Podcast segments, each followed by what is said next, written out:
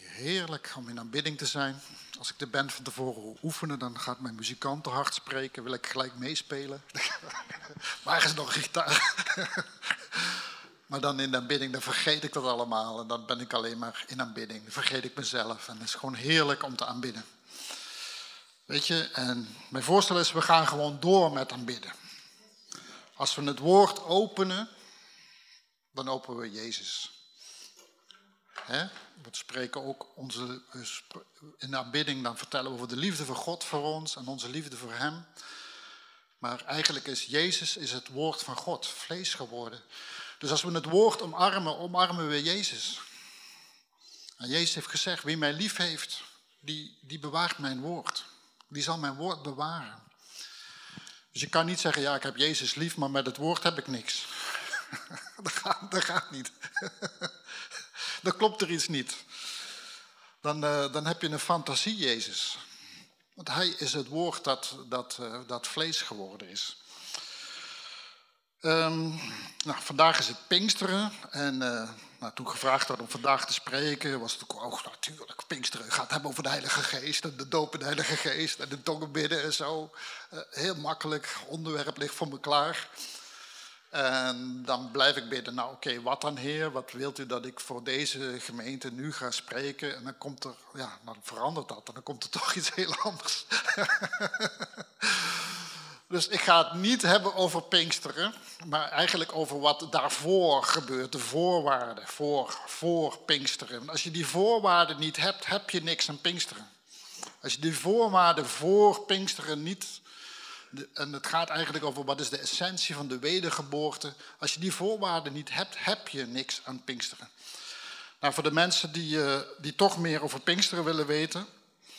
Ik heb een heel klein handzaam boekje geschreven over het bidden in tongen. Wat dat allemaal voor je betekent. Twaalf belangrijke dingen die bidden in tongen voor je doet. En de Pinksterbeweging is haar kracht een beetje verloren, omdat ze niet meer in tongen bidden. En ze bidden niet meer in tongen omdat ze niet weten waar het voor dient. Het is meer als alleen maar het bewijs dat je de doop en Heilige Geest hebt ontvangen. En omdat het Pinksteren is, deel ik er uh, extra uit. Dus mijn vrouw die gaat uh, ze uitdelen aan, uh, aan de liefhebbers. En even kijken wie is het meest gretig om te ontvangen.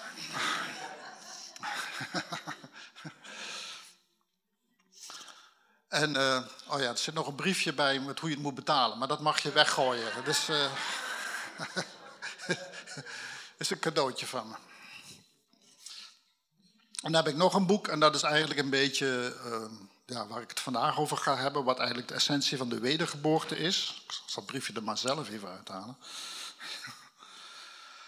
Ook dat is uh, voor, uh, voor de liefhebber. Maar het, uh, en dit is even mijn, mijn allerlaatste boek. Waarom Jezus precies God is. Ook dat is iets wat erg aangevallen wordt. Uh, en helaas niet alleen vanuit de islam. Maar er zijn veel mensen die er geen antwoord op hebben. Dus als je zegt, ik wil hem, uh, ik wil hem graag ontvangen, steek je hand omhoog. En uh, dan is hij voor jou. Oké, waar ga ik het over hebben? Nou, vorige keer heb ik het, heb ik het gehad over ehm, dat je het woord kan benaderen, zoals veel mensen benaderen, als een instructieboek. En het woord kan benaderen als een weerbericht, maar dat het eigenlijk dat allebei niet is. He, instructieboek van het woord vertelt ons precies wat wij moeten doen en hoe wij het moeten doen. Dat is het woord als instructieboek. En dat betekent als je op die manier met het woord omgaat, is dat eigenlijk een, een, een wettische manier van benaderen omdat het dan helemaal afhangt, de resultaten van het woord hangen dan af van jouw vermogen om die instructies juist op te volgen. Van jou, of jij in staat bent de instructies precies goed toe te passen. En als je dan niet de resultaten krijgt die je eigenlijk verwacht in het woord, dan is het van, wat heb ik niet goed gedaan? Herkenbaar? dus, uh, en wat doe ik fout? Dat is het woord als instructieboek. Nou staat er heel veel instructie in het woord. En als je instructie in het woord tegenkomt, doe vooral wat het woord zegt. Daar niet van. Het gaat altijd beter als je doet wat het woord zegt. Maar dat is niet het wezen van wat het woord is. Nogmaals, het woord is een levend persoon. Het woord is Jezus zelf. De andere kant is dat je het woord ziet als uh, ja, weerbericht hè, van God belooft iets. Oké, nou Heer, u heeft het beloofd. Wanneer komt het nu? je kan ook zeggen van, dat is van ehm, ja, de belofte van God. Ik moet op de belofte gaan staan. Als ik maar op de belofte blijf staan, als ik op de belofte sta, dan krijg ik wat het woord belooft. Ook dat is een vorm van, van, van, van werken. Dat is een vorm waarin geloof eigenlijk een manier van werken wordt. En het afhankelijk is van jouw vermogen om op het woord te kunnen staan. Om te krijgen wat het woord eigenlijk zegt. Nee, Jezus heeft uitgelegd, het woord is een zaad. Het is, werkt als een zaad. Het is een kwestie van het ontvangen van het woord. En dan is het woord in staat om zelf te bewerken, te doen wat het woord zegt dat het, dat het wil doen en dat het kan doen. Dan is het niet jouw prestatie, het is niet jouw vermogen om, om het voor te brengen. Nee, is het het vermogen van het woord om te doen wat het woord, waarvoor het gestuurd is. God zegt, mijn woord heb ik gezonden, het zal niet leegkeren, terugkeren, het zal doen waar ik het voor gezonden heb, het zal verbrengen wat ik het opgedragen wordt. Dat woord van God, die, die, die substantie, dat zaad, is in ieder mens in staat te doen wat het woord zegt. En als een mens het woord ontvangt, op een ontvangende, ontvankelijke manier en bij dat woord blijft, is dat woord in staat tot een transformatie die is, die is uh, overweldigend. Die transformatie is zo groot, die is zo diepgaand, daar kunnen we ons eigenlijk nauwelijks een voorstelling van maken. En daar, daar wil ik het dan een beetje over hebben. Wat is de transformatie die het woord van God in jou kan uitvoeren? Dan heb ik een leuk filmpje meegenomen. Uh, misschien kunnen we dat eventjes uh, draaien.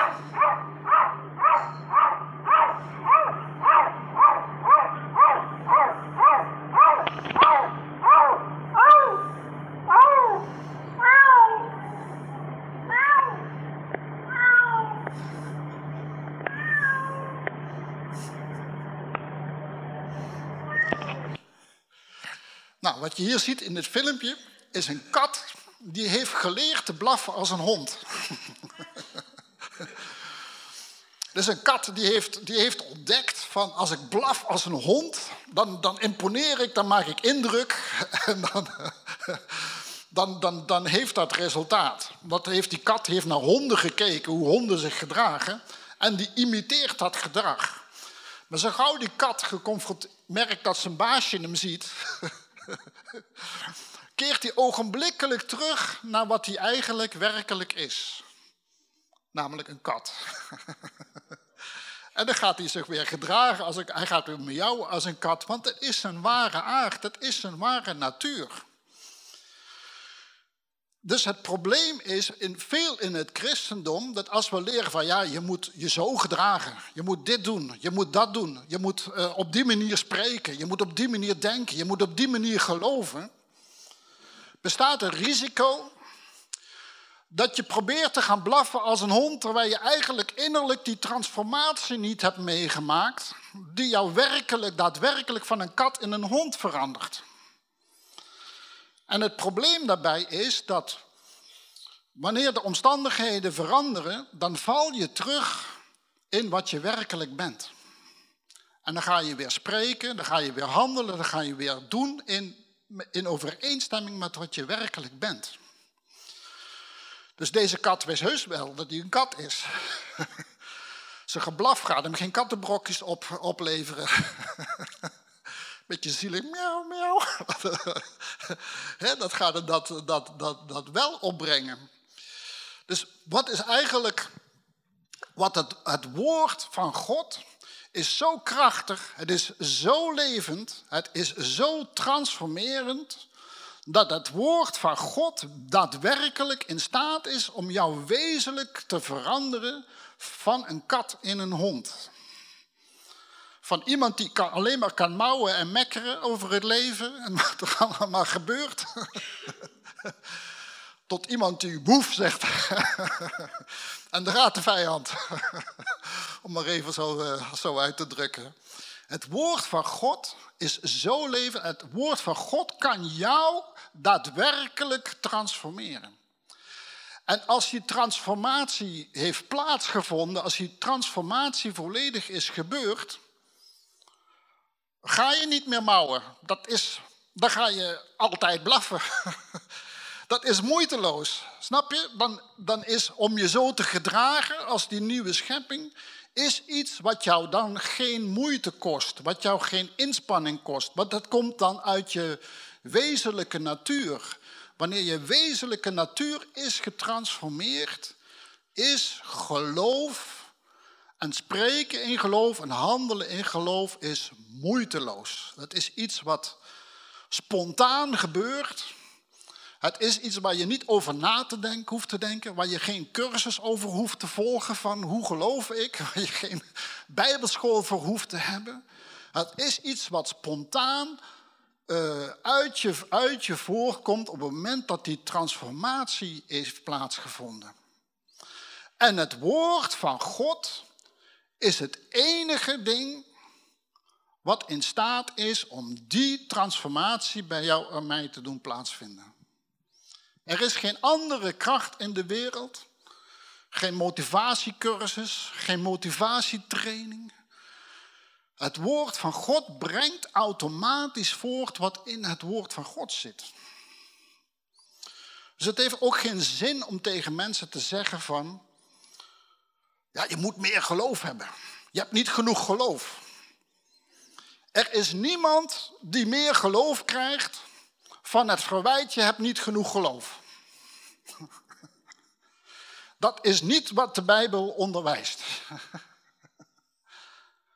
Nee, je krijgt, hoe krijg je geloof? Die teksten kennen we er allemaal. Het geloof is uit het horen en het horen is uit het woord van God. Dus geloof is iets wat eigenlijk ingebakken zit in het woord van God. Wat moeiteloos voorkomt uit het woord van God. En het hangt af van jouw relatie met het woord. En nogmaals, dat is exact hetzelfde als jouw relatie met Jezus. Maar Jezus en het woord zijn één. Het is jouw relatie met het woord en je blijven met het woord van God. Want ieder woord wat gesproken wordt van wie en wat dan ook heeft kracht en heeft gezag. En is in staat om voor te brengen wat dat woord ja, in zich draagt. Het woord van de dokter van het is afgelopen met jou, we kunnen niets meer voor je doen. En uh, heeft ook kracht. En is in staat voor te brengen wat het woord zegt. Dus het is belangrijk dat van we niet zomaar een relatie met woorden hebben, dat we niet zomaar geloof hebben. Nee, ons geloof moet voortkomen uit het woord van God. Dat is het enige wat in staat is om de dingen van God in jouw leven voor te brengen, te produceren. Daarom heeft, het ook, heeft Jezus het over vrucht dragen. Vrucht dragen is niet iets wat uit eigen inspanning voortkomt. Vrucht dragen is het gevolg van het blijven in Hem. Oftewel het blijven in het woord. Want Jezus en het woord zijn één en dezelfde dingen. Daarom lezen wij dit woord ook niet om informatie. Wij lezen dit woord, wat hier staat is geen informatie, het is geen kennis. Dit is een persoon. Door in dit woord te, zijn, in dit woord te blijven, ontwikkel je een relatie met een persoon. En die persoon is in staat om in jou voor te brengen wat die persoon wilt voorbrengen. Dat is de relatie die wij met het woord moeten en kunnen hebben. Nou, dat was de inleiding.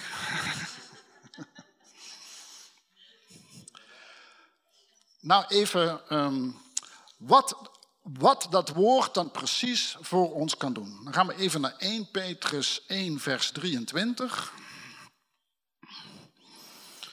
We gaan het natuurlijk uiteraard even openslaan.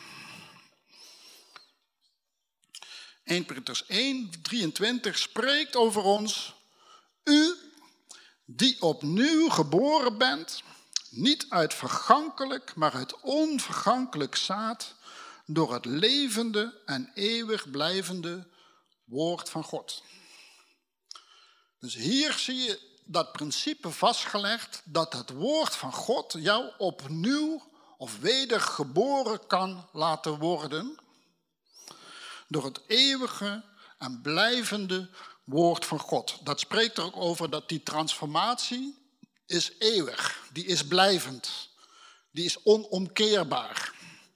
Want die transformatie is gebaseerd op iets wat eeuwig, wat blijvend, wat onomkeerbaar is.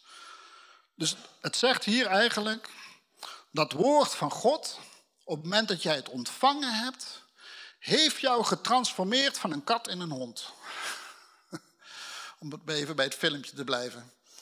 zoals het in, uh, in 2 Korinthe 5 vers 17 staat.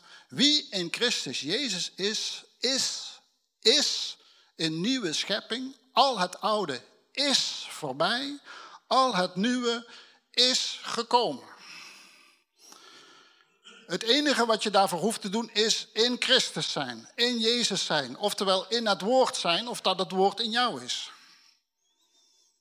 Die link moet je altijd houden. Ik vond vroeger, toen ik net, net wederom geboren was, Psalm 119 oerzaai om te lezen. Totdat ik begreep alles wat er staat over ik heb uw woord gevonden, uw woord is mij kostbaar. Totdat ik zie van iedere keer als daar woord staat, staat daar Jezus. Dus als er zegt van ik heb uw woord gevonden, staat ik, ik heb Jezus gevonden. Uw woord is mij kostbaar, Jezus is mij kostbaar. Op het moment dat ik die, die, die link kan maken, het woord is Jezus, Jezus is het woord, is het nu een van mijn lievelingspsalmen. Want het gaat over mijn relatie met Jezus. Er is geen verschil tussen mijn relatie met Jezus en het relatie met het woord van God. Die zijn één. Dat is één ding. Het is geen informatie. Het is geen, niet iets om, om quizzen mee te winnen en zo. maar het is levend, levend woord van God. Dus het levende woord van God zegt dat u opnieuw geboren bent of wedergeboren van boven geboren. Hoe, precies hoe het vertaald wordt, het Griekse woord wat er staat, is eigenlijk geen, geen echte Nederlandse uitdrukking die volledig uitdrukt wat dat is. maar een toelichting is dus, u bent een nieuwe schepping, al het oude is voorbij, het nieuwe is gekomen. Wat is er nou precies gebeurd op het moment dat je wedergeboren bent? Wat is nou precies je nieuwe identiteit of je nieuwe wedergeboorte? Over het algemeen, en dat is het probleem als je, als je het evangelie hoort verkondigen, is in grote lijn het evangelie wat je hoort verkondigen van wij zijn allemaal zondaren, wij verdienen allemaal de hel, maar dankzij het werk van Jezus, dankzij de goedheid van Jezus, zijn we vergeven en ontvangen wij na ons overlijden een eeuwig verblijf in de hemel.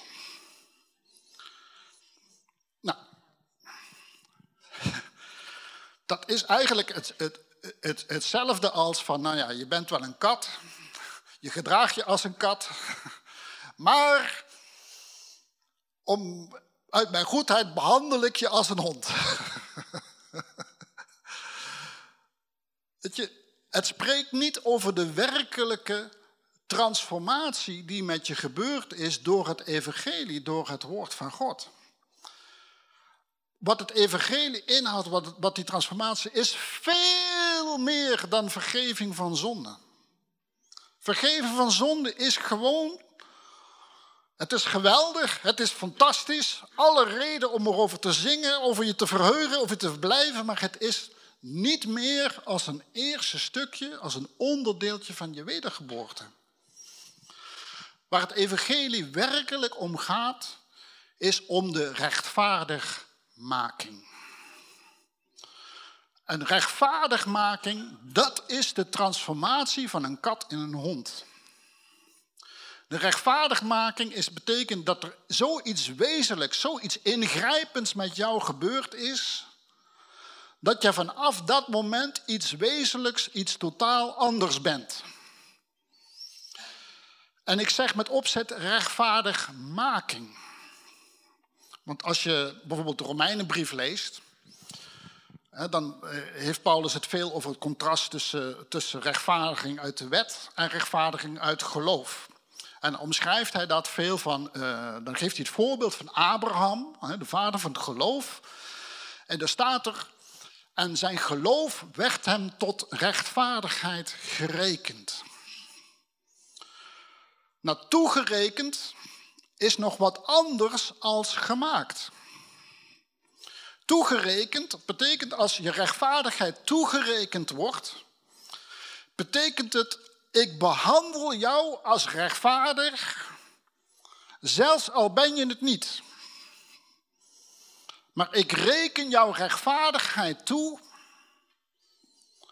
en ik behandel jou als een rechtvaardige. Ik ga met je om als een rechtvaardige. Ik beschouw je als een rechtvaardige.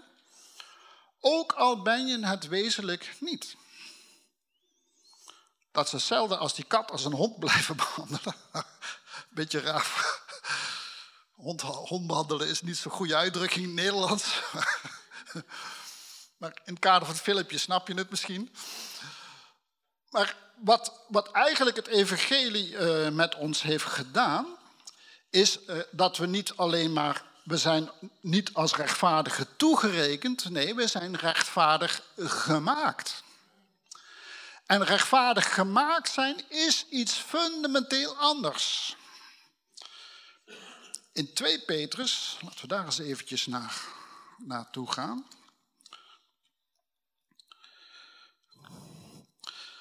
Uh, eh, 2 Petrus hoofdstuk 1. Uh, lezen even vanaf vers 3. Immers zijn goddelijke kracht heeft ons alles geschonken wat tot het leven en de godsvrucht behoort door de kennis van Hem die ons geroepen heeft door zijn heerlijkheid en zijn deugd. Daardoor heeft Hij ons de grootste en kostbare belofte geschonken, opdat u daardoor, en dat is het grote ding, deel zou krijgen aan de goddelijke natuur.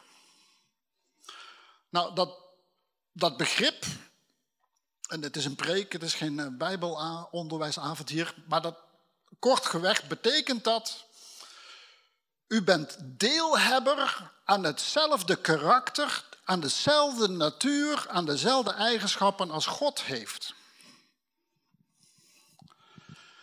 Dat betekent u bent niet, het wordt u niet toegerekend, terwijl u het eigenlijk niet bent.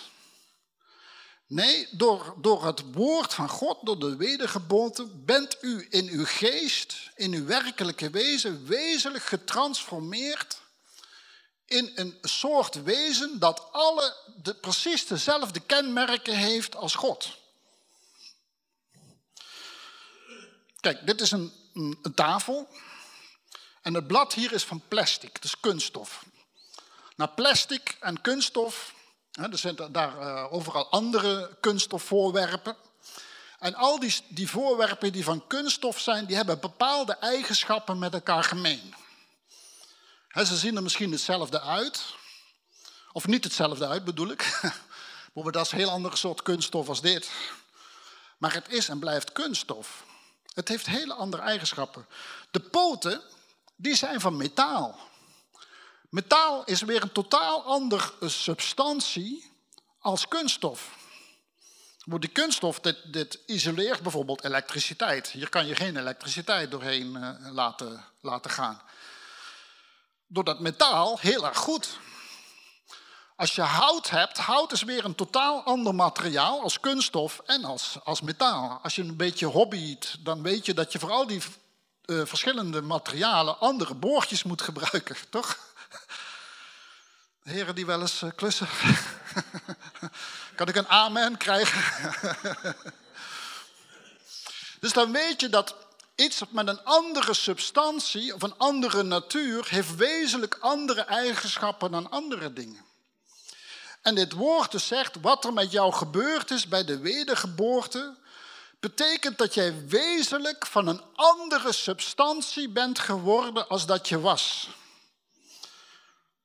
Een transformatie als van een kat en een hond, of van kunststof in metaal, of iets dergelijks. En de eigenschappen die jij nu in jouw geest hebt, komen overeen met de eigenschappen van God. En als je eenmaal daarin getransformeerd bent, hoeveel moeite kost het je dan om dat te zijn?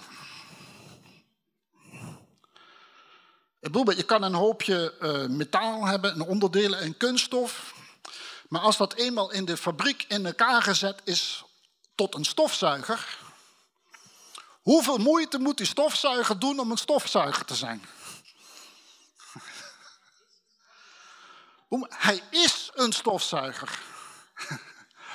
Nou, dit is de essentie van wat het evangelie aan ons vertelt. Door het evangelie, door het werk van Jezus en door dat te geloven, ben jij getransformeerd in een rechtvaardige.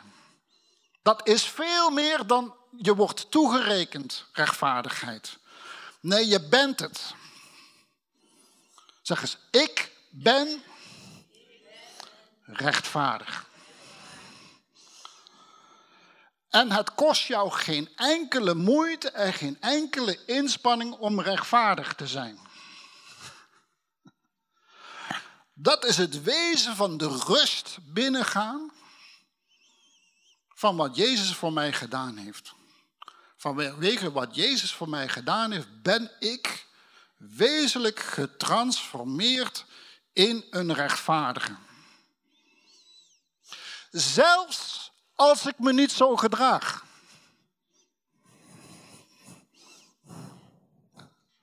Dat is een hele belangrijke.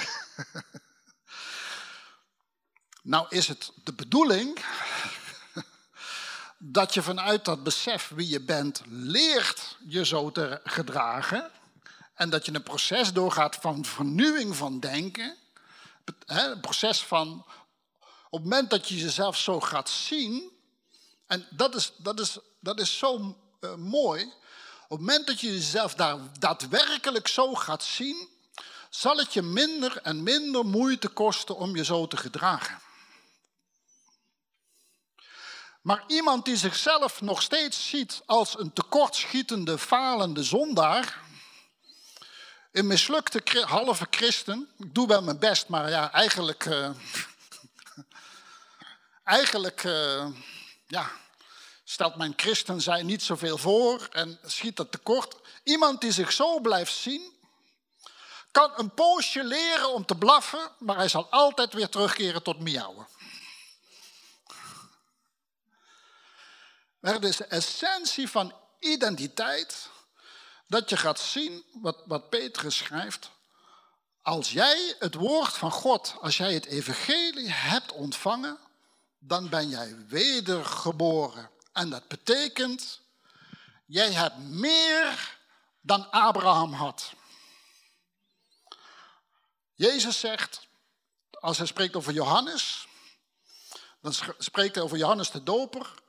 Er is niemand uit vrouwen geboren groter dan Johannes de Doper. Nou, Johannes de Doper was al vanaf de moederschoot gevuld met de Heilige Geest. Ik bedoel maar, kom daar eens even op. Dat betekent dus Johannes de Doper was groter dan Mozes, hij was groter dan David, groter dan Samuel, groter dan Jozef, groter dan Abraham. Noem ze allemaal bij elkaar. En dan zegt Jezus erachteraan, maar de kleinste in het koninkrijk is groter dan Johannes. Ik bedoel maar, wie vindt zichzelf weinig voorstellen in het koninkrijk?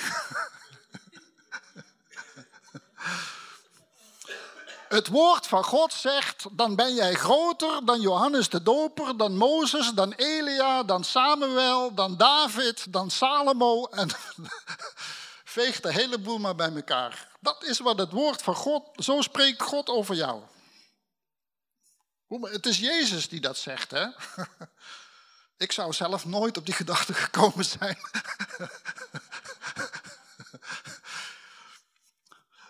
Maar als God het zegt, Hij is het woord van God. Dan is dat woord in staat om jou te maken wat het woord zegt dat je bent. Alleen, je moet het gaan, je moet dat gaan geloven. Dus je moet je dat eigen maken. Je moet je eigen maken. Ook al zie ik van alles in mijn leven, in mijn gedachten, in mijn handelen, waar ik zeg van nou, dat kan beter. Kan altijd beter. Dat mag je nooit doen twijfelen aan het feit dat jij rechtvaardig bent gemaakt. Dat betekent dat je in je diepste wezen, in, in wie jij werkelijk bent, precies dezelfde eigenschappen en karakterkenmerken hebt als God. Want er is er maar één rechtvaardig en dat is God. En het wonder van het evangelie, zoals Romeinen het zegt, God die de goddelozen rechtvaardigt. Uit het, hoe kan je nu goddeloze mensen rechtvaardigen? Goddeloze mensen zijn mensen die leven alsof er geen God bestaat. Dat is de definitie van goddelozen. Met niets van wat ze doen en wat ze zeggen houden ze rekening met het bestaan van een God. Hoe kan God die mensen nou rechtvaardigen? Dat doet hij niet door te zeggen van, oh ja, alles wat jij doet en wat je zegt en wat je gedaan hebt. Ik ben een goede God. Vanwege Jezus strijk ik over mijn hart en ik vergeef het je. Ik hou het niet tegen je. Dat is een beetje zoals vaak het evangelie eigenlijk wordt uitgelegd. Het gaat alleen maar over de vergeving. Jezus is gestorven voor onze zonden en niet alleen voor die van ons, van, van, van de hele wereld. Dat je de boodschap brengt van, oh, al je zonden zijn vergeven. Dat, dat is leuk, maar dat verandert je niet wezenlijk van wie je bent en wat je bent.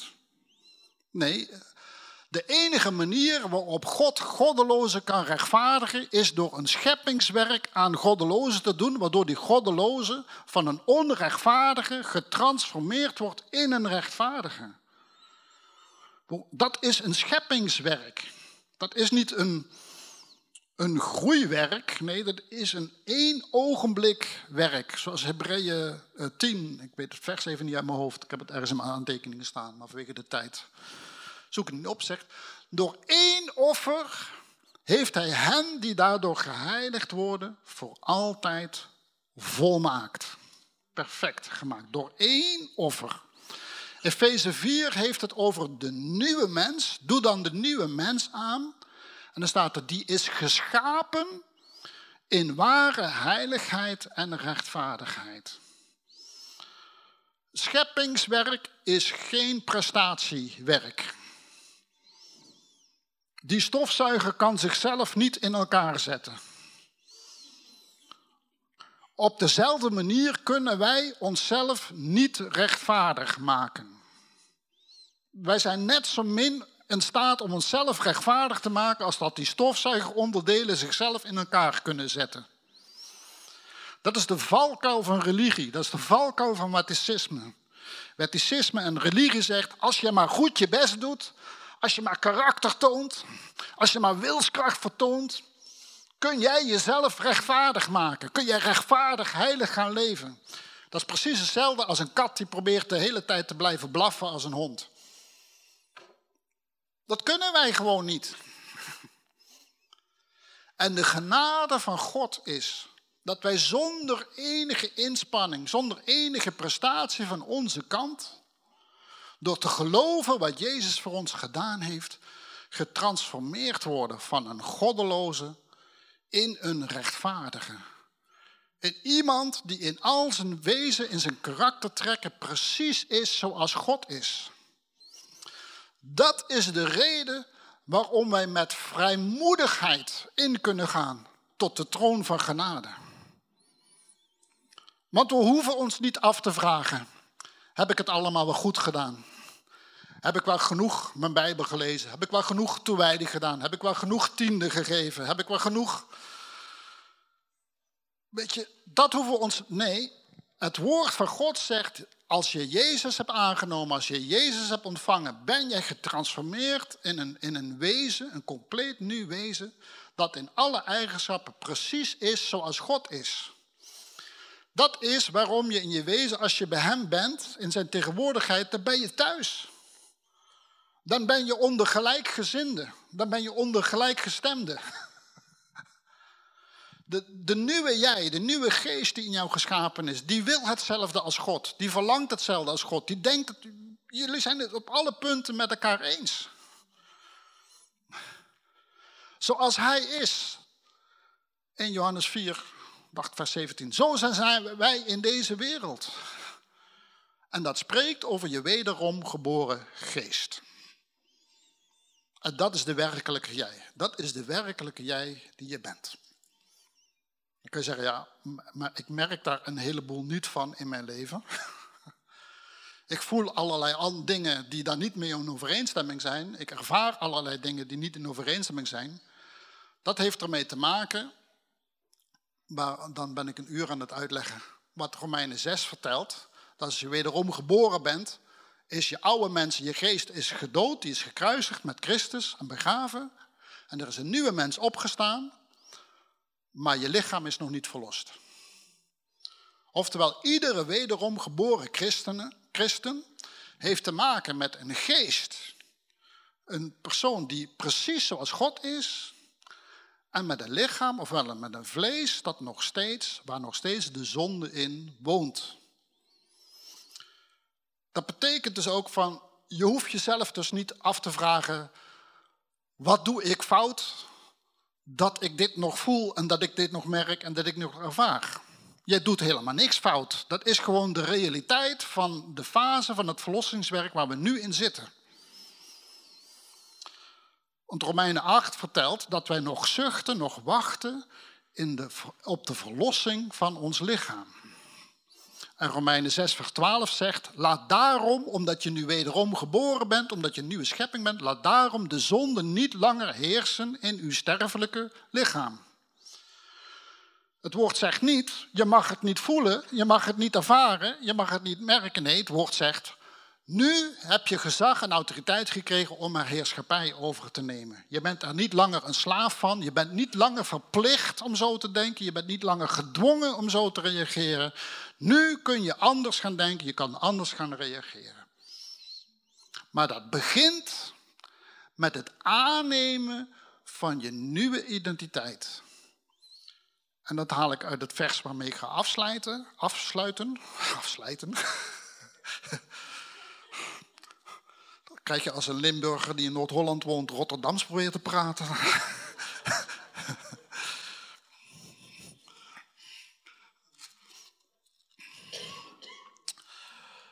Romeinen 5, en dan lezen we vers 17. Want als door de overtreding van de ene de dood geregeerd heeft door de ene, veel meer zullen zij die de overvloed van de genade en van de gave van gerechtigheid ontvangen, in het leven regeren door de ene, namelijk Jezus Christus. Nou, het woord ontvangen daar is het Griekse woord lambano. Toch even wat Grieks erin gooien. en dat betekent actief toe-eigenen, actief in ontvangst nemen van wat al van jou is.